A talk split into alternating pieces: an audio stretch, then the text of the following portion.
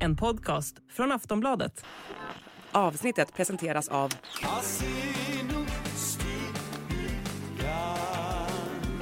Stödlinjen.se, åldersgräns 18 år.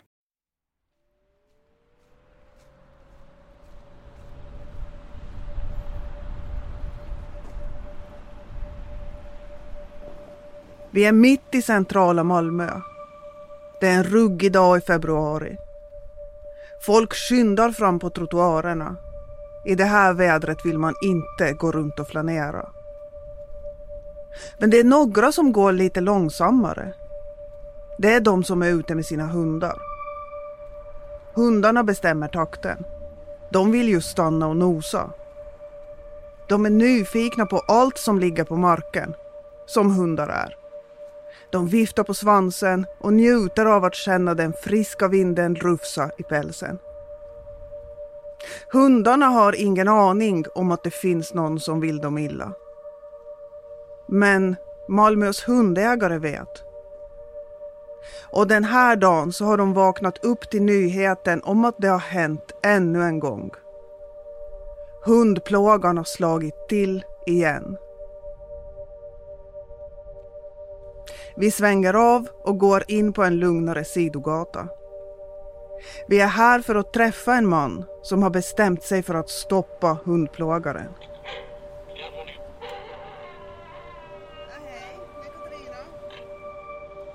Niklas Krig jobbar som programmerare i Köpenhamn. Han bor i centrala Malmö med sin hund Miko som ser ut som en stor gulbrun nallebjörn. Miko är en sju år gammal japansk Akita. Han är ganska lugn vanligtvis, men han blir ofta uppspelt när det kommer gäster. Och det blir han idag också.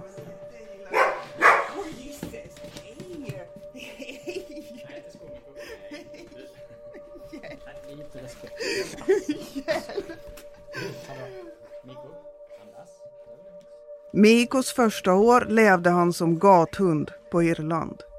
Så jag adopterade honom för vad är det, fem eller sex år sedan ungefär. Um, väldigt speciell ras. Akitan är en väldigt så enmanshund. Um, och han var ju rätt, uh, rätt sliten när jag fick honom. Uh, men nu har han, han blivit väldigt, uh, väldigt lugn och snäll med åren.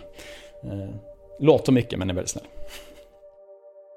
Vi är här för att prata med Niklas Krig om det som har kommit att kallas för hundbullarna i Malmö. Niklas läser om det här första gången 2020. Och det var i en park precis här borta faktiskt, eh, Rösjöparken, det var ett stenkast eh, härifrån där vi sitter nu. Och där hittade någon de här första brödbullarna. Eh, och om jag inte minns helt fel så innehöll de glasbitar och inte metallbitar. Men det var just där bullarna började i alla fall. Och sen så har det bara eskalerat sen dess. Liksom. Men trots att Niklas själv har hund så blir han inte orolig för egen del. Just min hund äter ju, han äter ju alla saker som han hittar på marken, tack och lov. Eh, men så mitt engagemang var egentligen bara som, som en medmänniska och eh, hundägare. Liksom att, eh, att det är så knäppt att, jag menar hundar far illa, ägare far illa. Jag menar många hundägare i stan är säkert, ja men vet, mycket äldre människor också som kanske har ett visst område de kan röra sig i. Eh, som plötsligt inte ens vågar gå ut med sin hund längre. Ehm, så det är egentligen bara att jag kände att, eh, jag menar född och uppväxt i Malmö eh, och någonting händer så här under så här lång tid.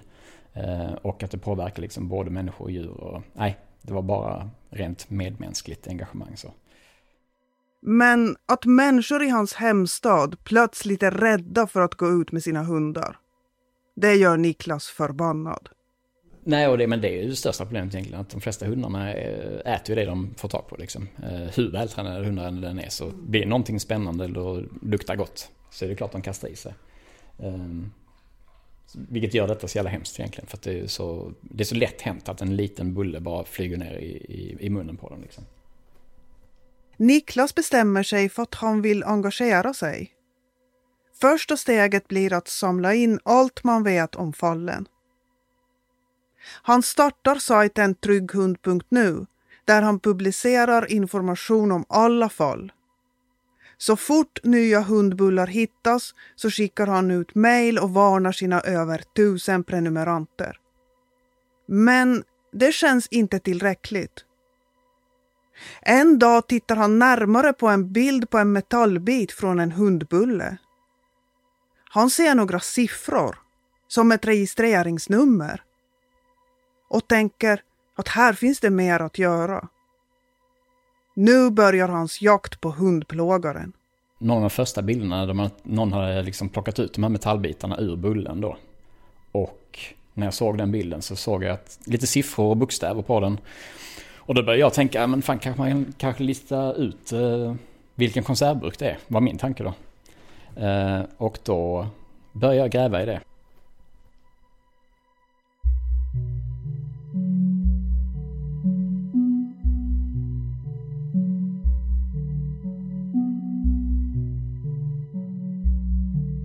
Det här avsnittet handlar om en brottsserie som har spridit skräck bland Malmös hundägare i flera år. Ingen vet vem som ligger bakom. Om det är en man eller en kvinna. Om det är en person eller flera. Men vi vet att de här brotten riktar sig mot fullkomligt oskyldiga och försvarslösa offer. Mot stans hundar. Det här är Hundbullarna. Ett avsnitt av podden Aftonbladet Krim. Med mig, Katarina Norgran. Ja, nu under morgonen här så har eh, privatpersoner på två olika platser hittat eh, nya bullar som är preparerade med metallbitar. Eh, och det är ju uppenbart att de är tillverkade och utplacerade för att skada hundar. Det här är Nils Norling. Han är presstalesperson vid polisen i Malmö och han har följt fallet med hundbullarna sedan de började dyka upp. De första bullarna hittades i februari 2021.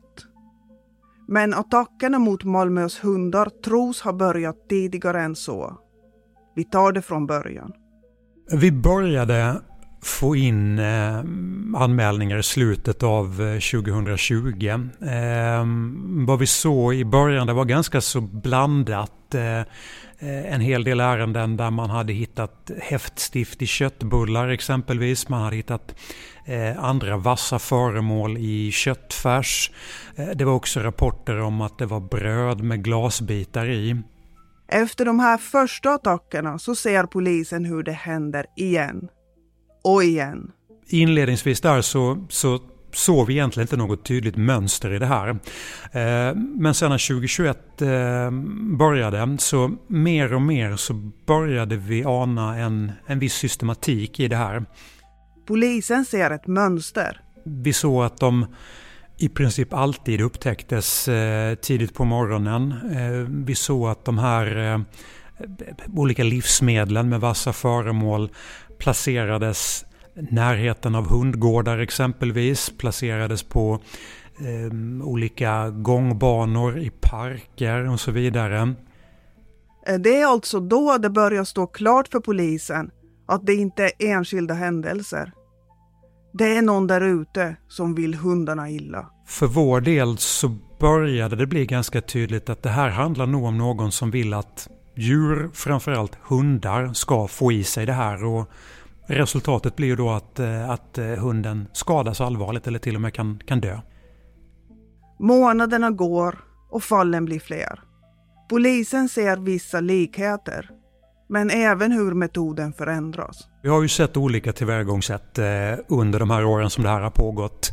Eh, man har använt eh, köttbullar, man har använt korvbitar, köttfärs, köpt bröd har man använt och sen så har vi sett en blandning av olika vassa föremål. Det är glasbitar, det är små spikar, det är häftstift, det är allt möjligt. Rakblad exempelvis. Det har utvecklats eh, till att vi har kunnat se att det vanligaste tillvägagångssättet det är att eh, någon placerar ut eh, vad som ser ut som hemgjorda väldigt, väldigt små bullar i, i storlek av en köttbulle kan man tänka sig. Det är de här morbida bakverken som kommer att kallas hundbullar. När vi tittar på dem så är det någon form av degmassa. Eh, skulle kunna vara så att det räcker med mjöl och vatten. Eh, och i då den här degmassan så har man också eh, tryckt in vassa metallföremål. Och det här är det har ju skilt sig åt lite grann över åren vad det är man har tryckt in i de här bullarna. Metallbitarna i hundbullarna är utklippta ur konservburkar. De är formade som små vassa stjärnor. Spetsarna är böjda för att orsaka så mycket skada som möjligt. Efter att man har tryckt i de här eh, metallbitarna i degmassan så har man sen också gräddat det här i ugnen som då ger dem en lite hårdare yta så att det ser ut som små, små bullar av bröd helt enkelt kan man säga innan man då placerar ut dem på olika ställen i stan. En sak som fallen har gemensamt är tiden på dygnet. Den eller de som lägger ut hundbullarna verkar smyga runt på natten. Det här görs eh, definitivt i skydd av mörkret. Eh, så det skulle kunna vara en väldigt sen kväll, nätter eller möjligtvis då tidiga morgnar det här sker. Men i, skulle jag vilja säga, 90 kanske upp till 95 procent av fallen så upptäcks, här, upptäcks det här tidigt på morgonen. Eh, personer som är på väg till jobbet eller som är ute och går med hunden. Tiden går och nya hundbullar dyker upp. Det går i vågor. I perioder är det lugnare. Malmös hundägare tror att de kan andas ut, att det är över. Men sen händer det igen. Och igen. Hundbullarna är ofta spridda över ett större område och då får polisen in flera anmälningar. Eh, vad vi kan säga är att vi har flera hundra anmälningar totalt som berör det här brottet förgöring som det heter. Sen så kanske vi kan säga att vi har, ja men har vi 150, kanske 200 anmälningar. I takt med att anmälningarna blir fler växer uppmärksamheten kring fallet. När kalendern slår över till 2023, då har det gått två år sedan de första fynden. Men trots en massiv mediebevakning så fortsätter hundplågan att jäcka polisen.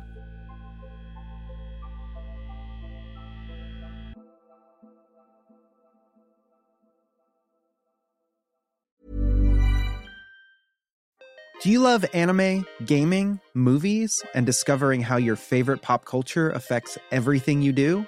Then join us on Crunchyroll Presents The Anime Effect. I'm Nick Friedman. I'm Lee Alec Murray. And I'm Leah President.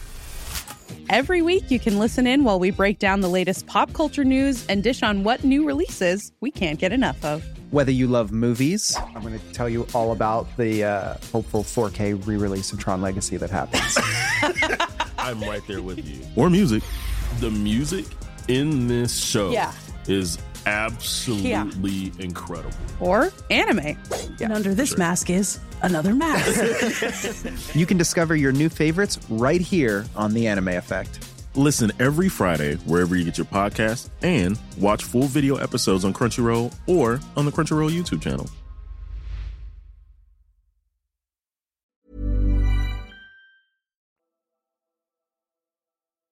Vi ska återkomma till polisen och jakten på gärningspersonen snart. Men på andra sidan av den här historien finns offren. Hundarna som har råkat äta matbitarna som har lagts ut för att skada och döda dem. Bruno är en av de drabbade. Han är en welsh terrier. Vi träffar honom och hans husse, konstnären Luca Lee Frey, i deras hem i Malmö.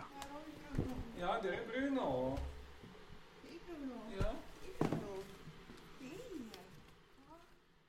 Bruno är en väldigt lugn och tyst hund med brun lockig päls och snälla ögon. Han sitter i en stol och tittar på oss när vi pratar. Bruno, han är welsh terrier. Han är på... Han är tre år gammal. Han älskar knäckebröd. Eh, och eh, ja, han är väldigt nyfiken, busig. Eh, st- eh, eh, eh stark villig. Vad heter eh, Like, eh, ja. Ja, stark vilja. Mycket stark vilja i honom. Så. Han, är, han, är, han är liten men väldigt, eh, det finns mycket hund i honom. Som, eh, ja, ja, han är en väldigt en, en väldigt viktig medlem i, i, i vår lilla familj och eh, han, eh, han är en aktiv medlem, ja, det kan man säga. Bruno gillar att vara ute och de går ofta långa promenader. Måndagen den 16 januari i fjol börjar som en helt vanlig dag. Ja, så vi brukar ju gå en lång promenad på morgonen eh, i Pildammsparken. Det brukar vi göra. Eh, och just en måndag också som, eh, men vi gick ut eh, runt, eh, det var min fru som gick ut med honom, eh, runt 6.30 på morgonen, kvart i sju. Lukas fru Frida går med Bruno till Pildammsparken. Men de är inte ute lika länge som de brukar. Sen eh, på vägen hem, alltså när de kom hem så jag var på väg också att gå ut och, och, och, och Frida då var helt chockad och kunde inte tro själv eh, om, om det hon skulle berätta och det var ju att han hade tagit in sig några bullar och hon misstänkte att det var no en, några av de här bullar som vi hörde mycket talas om. De har hört talas om att någon galning lägger ut bullar med vassa föremål i för att skada hundar. Men de har ju inte tänkt att det kunde hända dem. Att det skulle kunna hända med deras Bruno. Och jag kunde inte tro på det heller. Jag var lite sådär, mm är du säker? Du vet, det var mörkt, det var blött och sånt. Och då hon berättade, jo men jag hörde sådana metallljud komma från munnen. De små bullarna är väldigt svåra att få syn på. De ligger gömda bland blöta löv och kastanjer.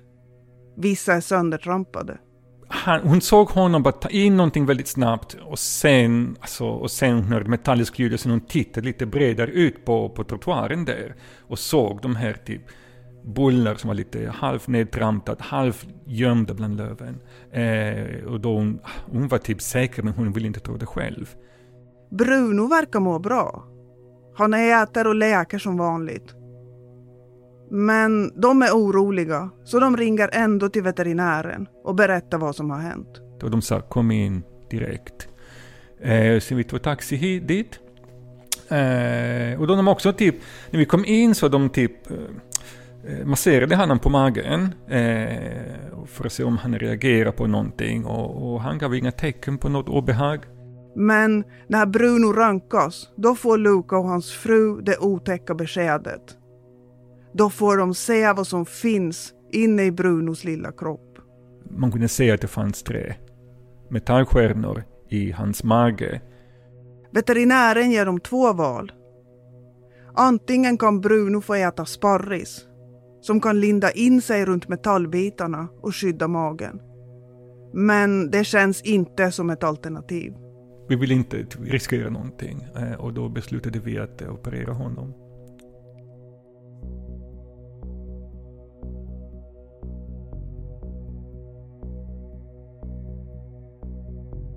Bruno är, som sagt, långt ifrån den enda hunden som har drabbats av de djävulska bullarna. I takt med att bullarna fortsätter att dyka upp växer frustrationen bland Malmös hundägare. Niklas Krig, mannen vi pratade med i början, bestämmer sig för att försöka hitta hundplågaren. Allt börjar som sagt när han ser en bild på Facebook på en metallstjärna som legat inne i en hundbulle. Första plåtbitarna jag såg då i den här Facebookgruppen eh, så kunde jag se, jag tror det var två bokstäver och ett eh, början på ett telefonnummer. Eh, och så kunde jag rätt snabbt lista ut vilket riktnummer det var. Att det var då, eller riktnummer kanske inte, men landsnummer då. Niklas börjar söka för att se om han kan hitta numret på nätet. Jag tror det var ett Y och ett A eller någonting i den stilen. Så jag egentligen bara googla runt och kollade säkert hundratals eller tusentals bilder på olika konservburkar eh, efter rätt färg och rätt, eh, rätt font på, på texten. Ehm, och sen så till slut så lyckades jag bara se någonting som var likt det. Sen så började jag söka på grossistens, vilket telefonnummer det var på tillverkaren. Och till slut då så lyckades jag lista ut att det var en del av ett faxnummer. Faxnumret leder honom till Egypten. Och därefter kunde jag ta reda på var i stan eh, de köper in detta och vilka affärer som säljer det. Men efter alla ansträngningar så visade det sig att konservburken är ett blindspår. Det är ett fabrikat som finns att köpa i många stora butiker. Så att det är helt omöjligt. Det är tusentals människor som handlar där varje dag. Så att eh, tyvärr kunde man inte gå vidare på det riktigt. Malmöpolisen jobbar på sitt håll med hundbullarna.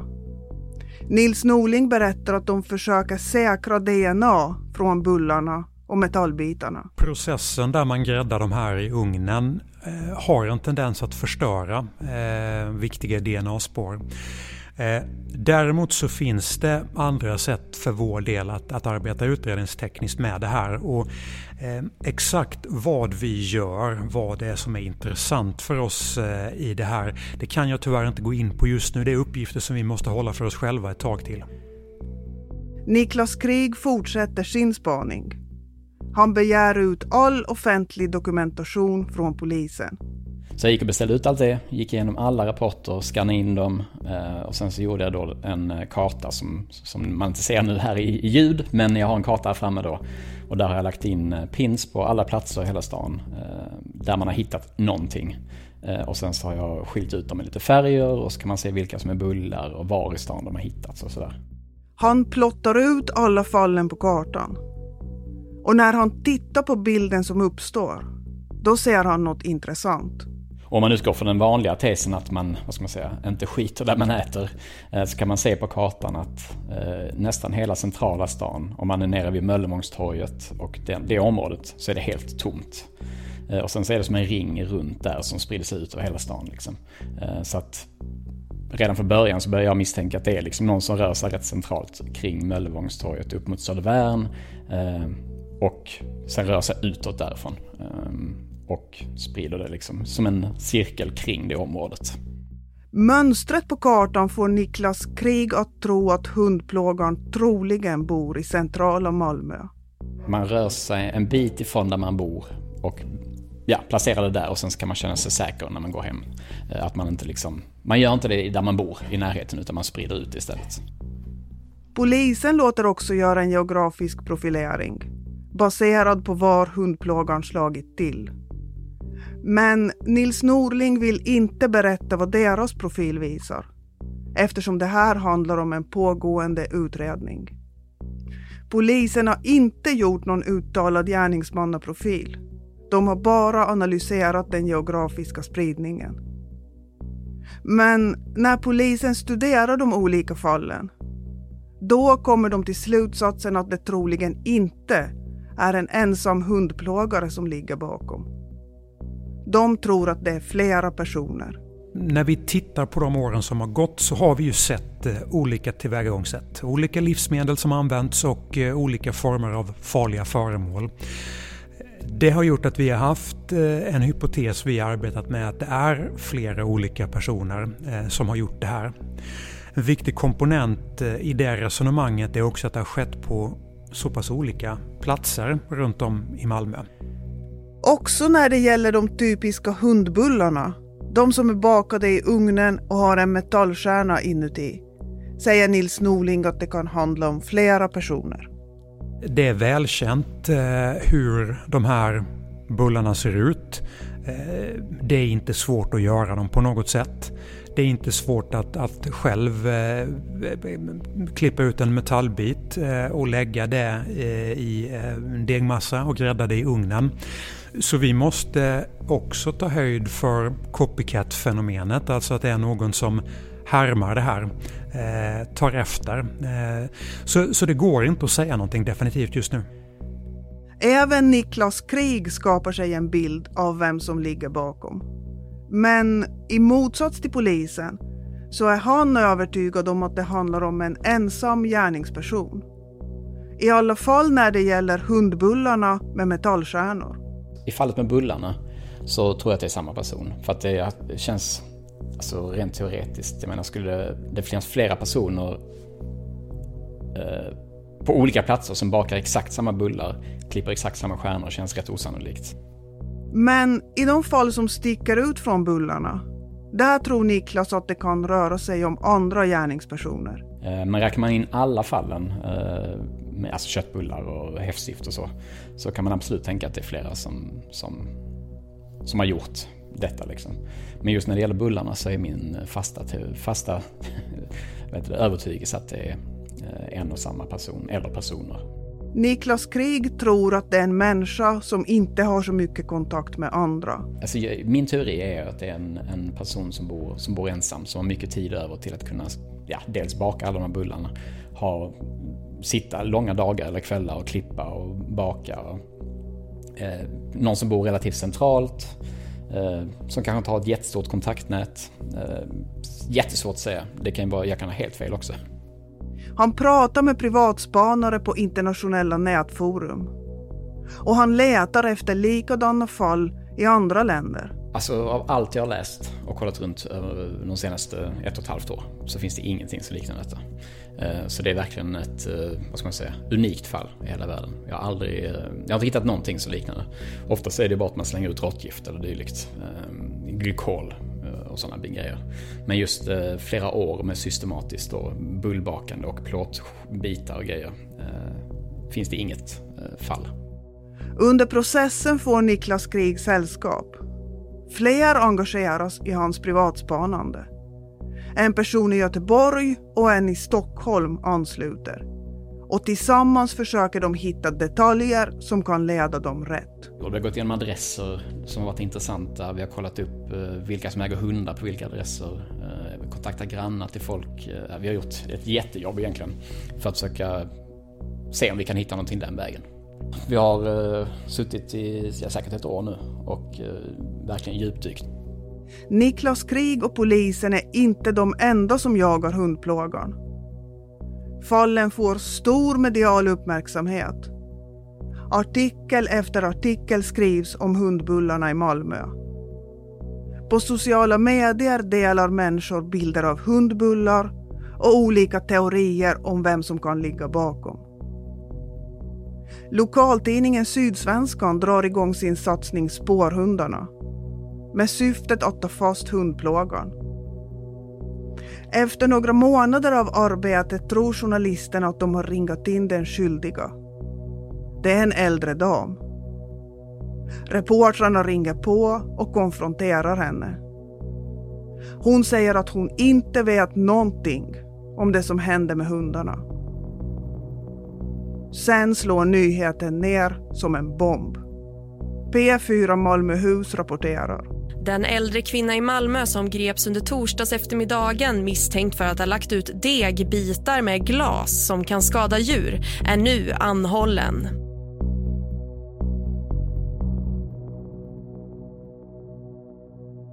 Kvinnan som är i 75-årsåldern hon blir påkommen när hon lägger ut något på marken i Ödgårdsparken. På sociala medier sprids jublet. Äntligen är hundplågan fast. Men det verkar vara något som inte stämmer. Eh, för det första grips kvinnan mitt på dagen. Hundplågaren brukar operera på natten. Och det hon lägger ut, det beskrivs inte som bullar, utan som degknyten. Polisen uppges hitta glasbitar på marken. Det finns inga uppgifter om några metallbitar. Sydsvenskan skriver någon dag senare att den gripna kvinnan är en annan kvinna än den som de konfronterade. Kvinnan släpps efter att ha förhörts. Hon är fortsatt misstänkt för grov förgöring. Och eftersom förundersökningen pågår så är polisen förtegen. Det är väldigt, väldigt viktigt att påpeka att den här kvinnan är misstänkt i ett ärende. Eh, hon är inte dömd för någonting, utan hon är misstänkt. Eh, lika viktigt att påpeka är att hon är misstänkt i ett enskilt ärende. Åklagaren Oskar Campos han skriver i ett mejl att han ännu inte har beslutat om kvinnan ska åtalas. Men att han hoppas att utredningen ska vara klar inom de närmaste månaderna. Nils Norling poängterar att kvinnan bara är misstänkt för det hon gjorde just när hon blev gripen. Hon är inte det minsta intressant eh, i några av våra tidigare utredningar och inte i några av de utredningarna som vi har startat efter den här händelsen. Vad den här kvinnan höll på med i parken och varför, det vet vi inte. Men oavsett hur det går i det fallet så fortsätter jakten på hundplågaren.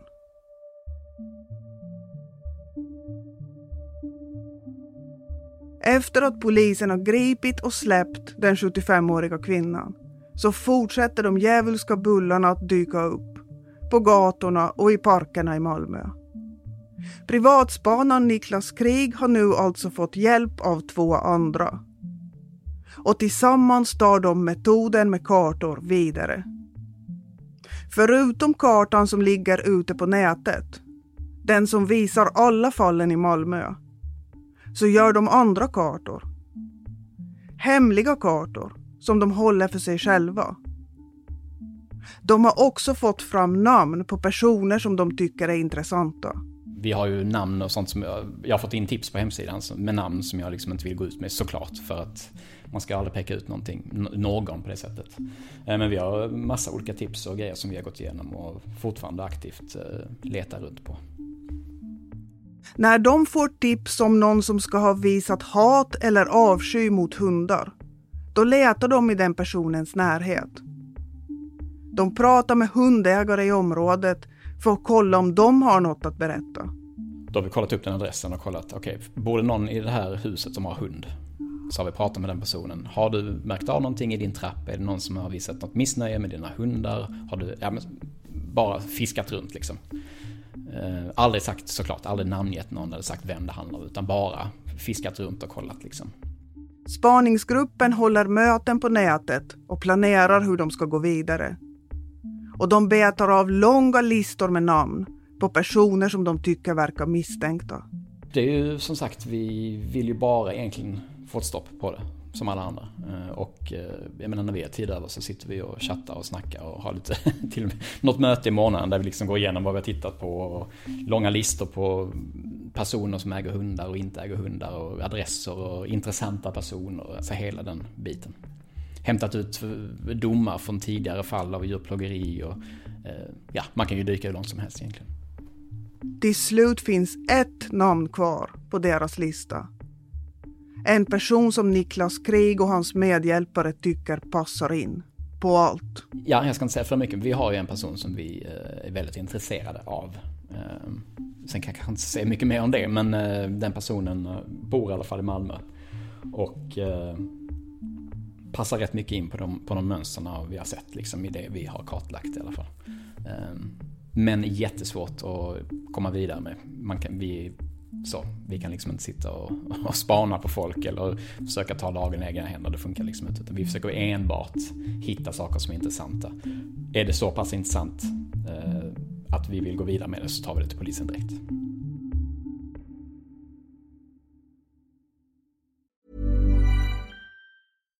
Millions of people have lost weight with personalized plans from Noom. Like Evan, who can't stand salads and still lost 50 pounds. Salads, generally, for most people, are the easy button, right? For me, that wasn't an option. I never really was a salad guy. That's just not who I am. But Noom worked for me. Get your personalized plan today at Noom.com. Real Noom user compensated to provide their story. In four weeks, the typical Noom user can expect to lose one to two pounds per week. Individual results may vary.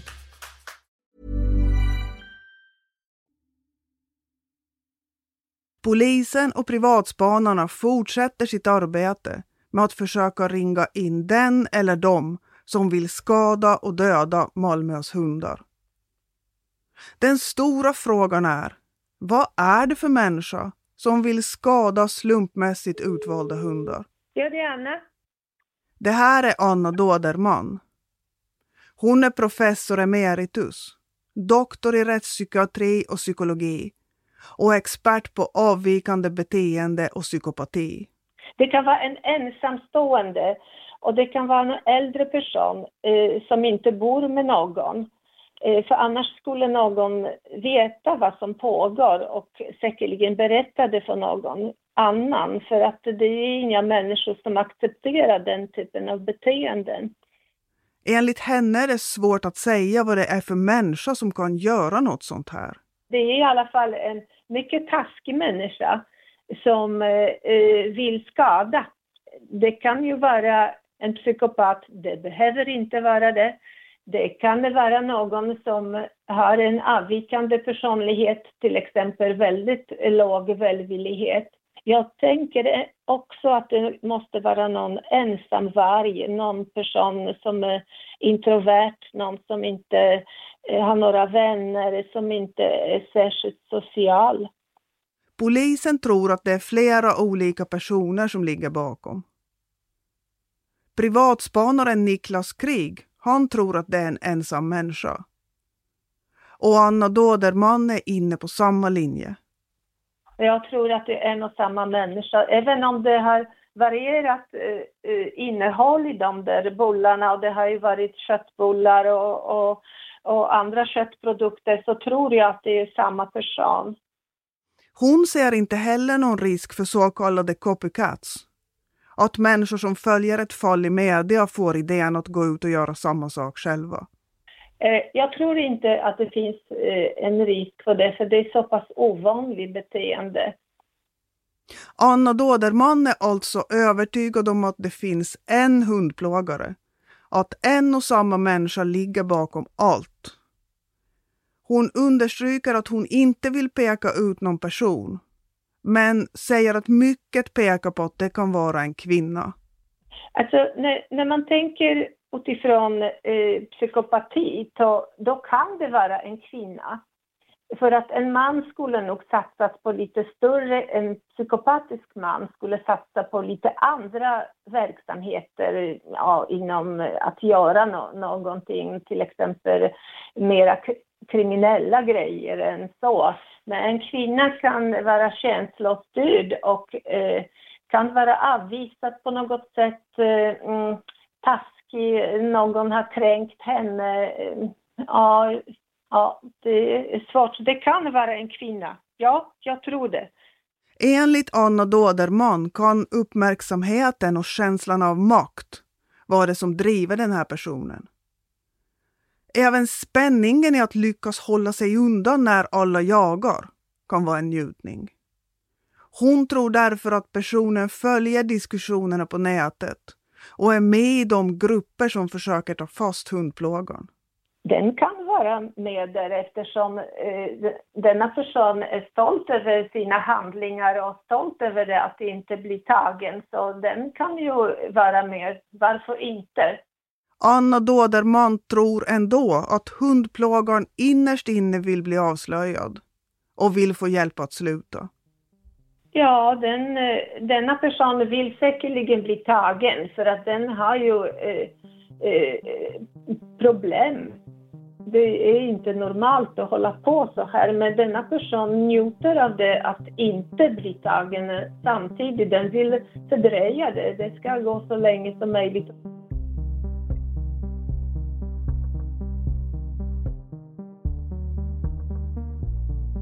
Under tiden vi spelar in det här avsnittet så hittas nya hundbullar i Malmö.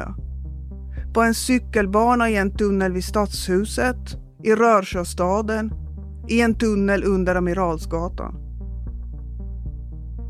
Privatspanaren Niklas Krig hoppas att hans arbete ska leda till att inga fler hundar ska behöva bli skadade i Malmö.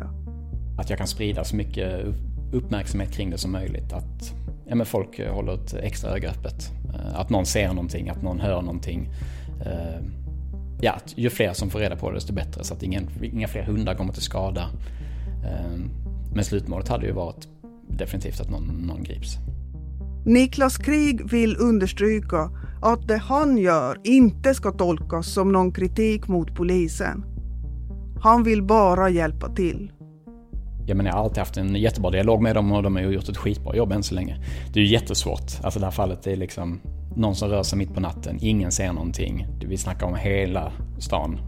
Ehm, så det, jag menar, de resurserna de har, det är svårt att göra mer än att följa upp det som händer. Och, eh, så de gör ju verkligen så gott de kan. Det, det är jag helt övertygad om.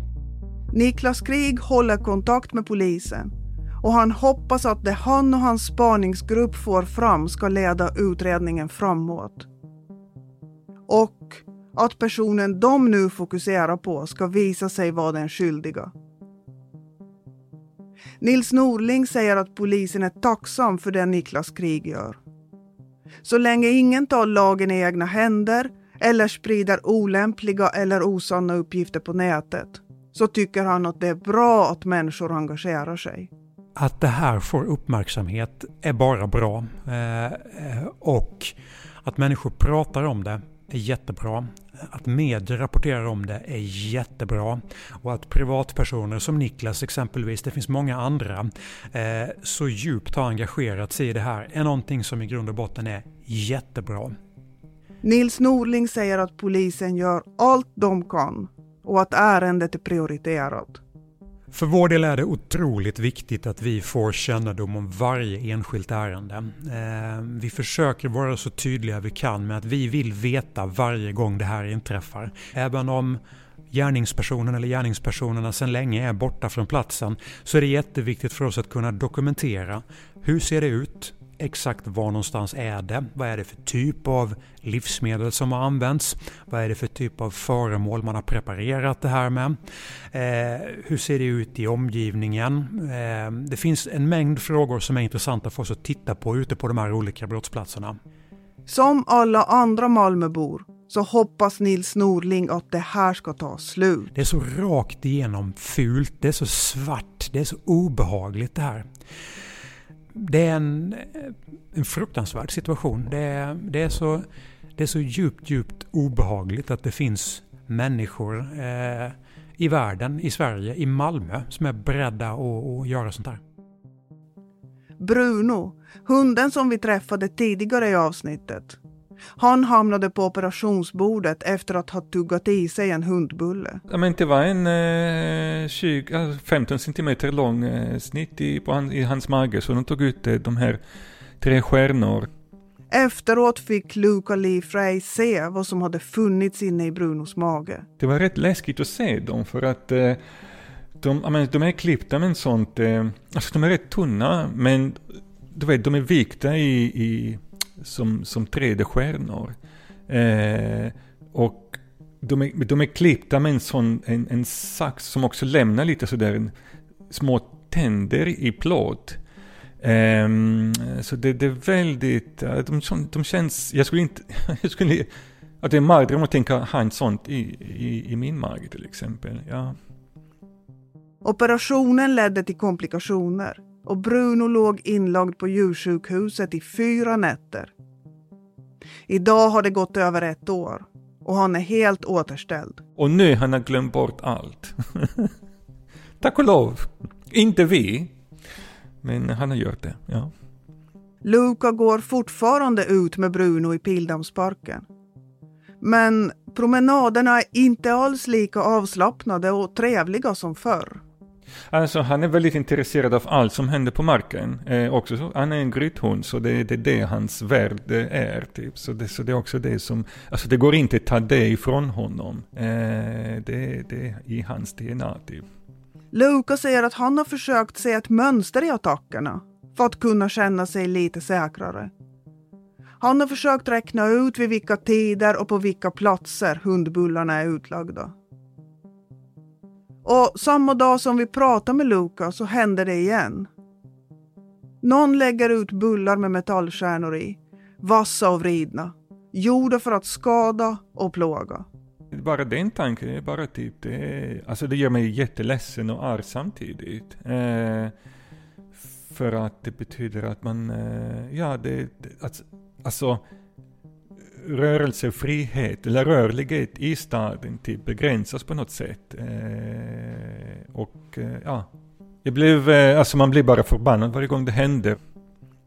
Luca Leafrey hoppas att det här ska ta slut så att Malmös hundägare ska slippa gå runt med den ständiga oron och så att inga fler hundar ska behöva gå igenom det som drabbade Hans Bruno. Ja, det, är, det här bara slutar, att, att det, det är jag och alltså alla vill bara att det här ska sluta, det, det finns ingen annan, ingen annan svar till detta. Det är väldigt obehagligt och det skapar bara mycket oro och eh, ah, lidande när väl hundar drabbas. Och det är inte bara hundar, det är också deras familjer typ, som, som drabbas hårt.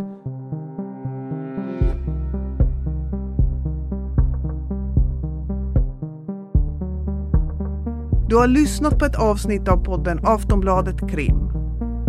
Producent är Marcus Ulfsand Och jag heter Katarina Norgran.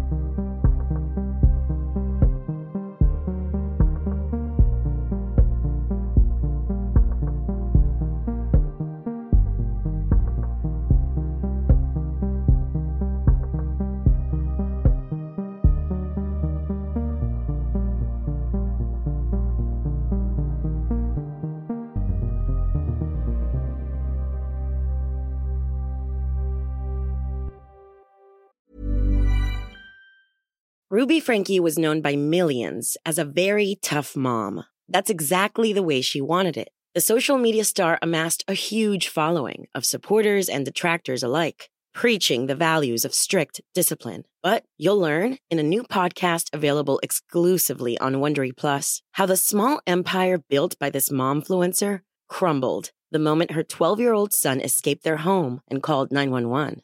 Wondery and Law and Crime bring you the new podcast the Rise and Fall of Ruby Frankie, which explores the allegations of starvation, torture, and emotional abuse leveled against Frankie and her business partner, Jody Hildebrandt. Learn about the family's path to stardom, the depravity investigators uncovered inside the home, and hear in depth analysis of the ongoing criminal trial. Listen to the rise and fall of Ruby Frankie exclusively and ad free on Wondery Plus. Join Wondery Plus in the Wondery app or on Apple Podcasts.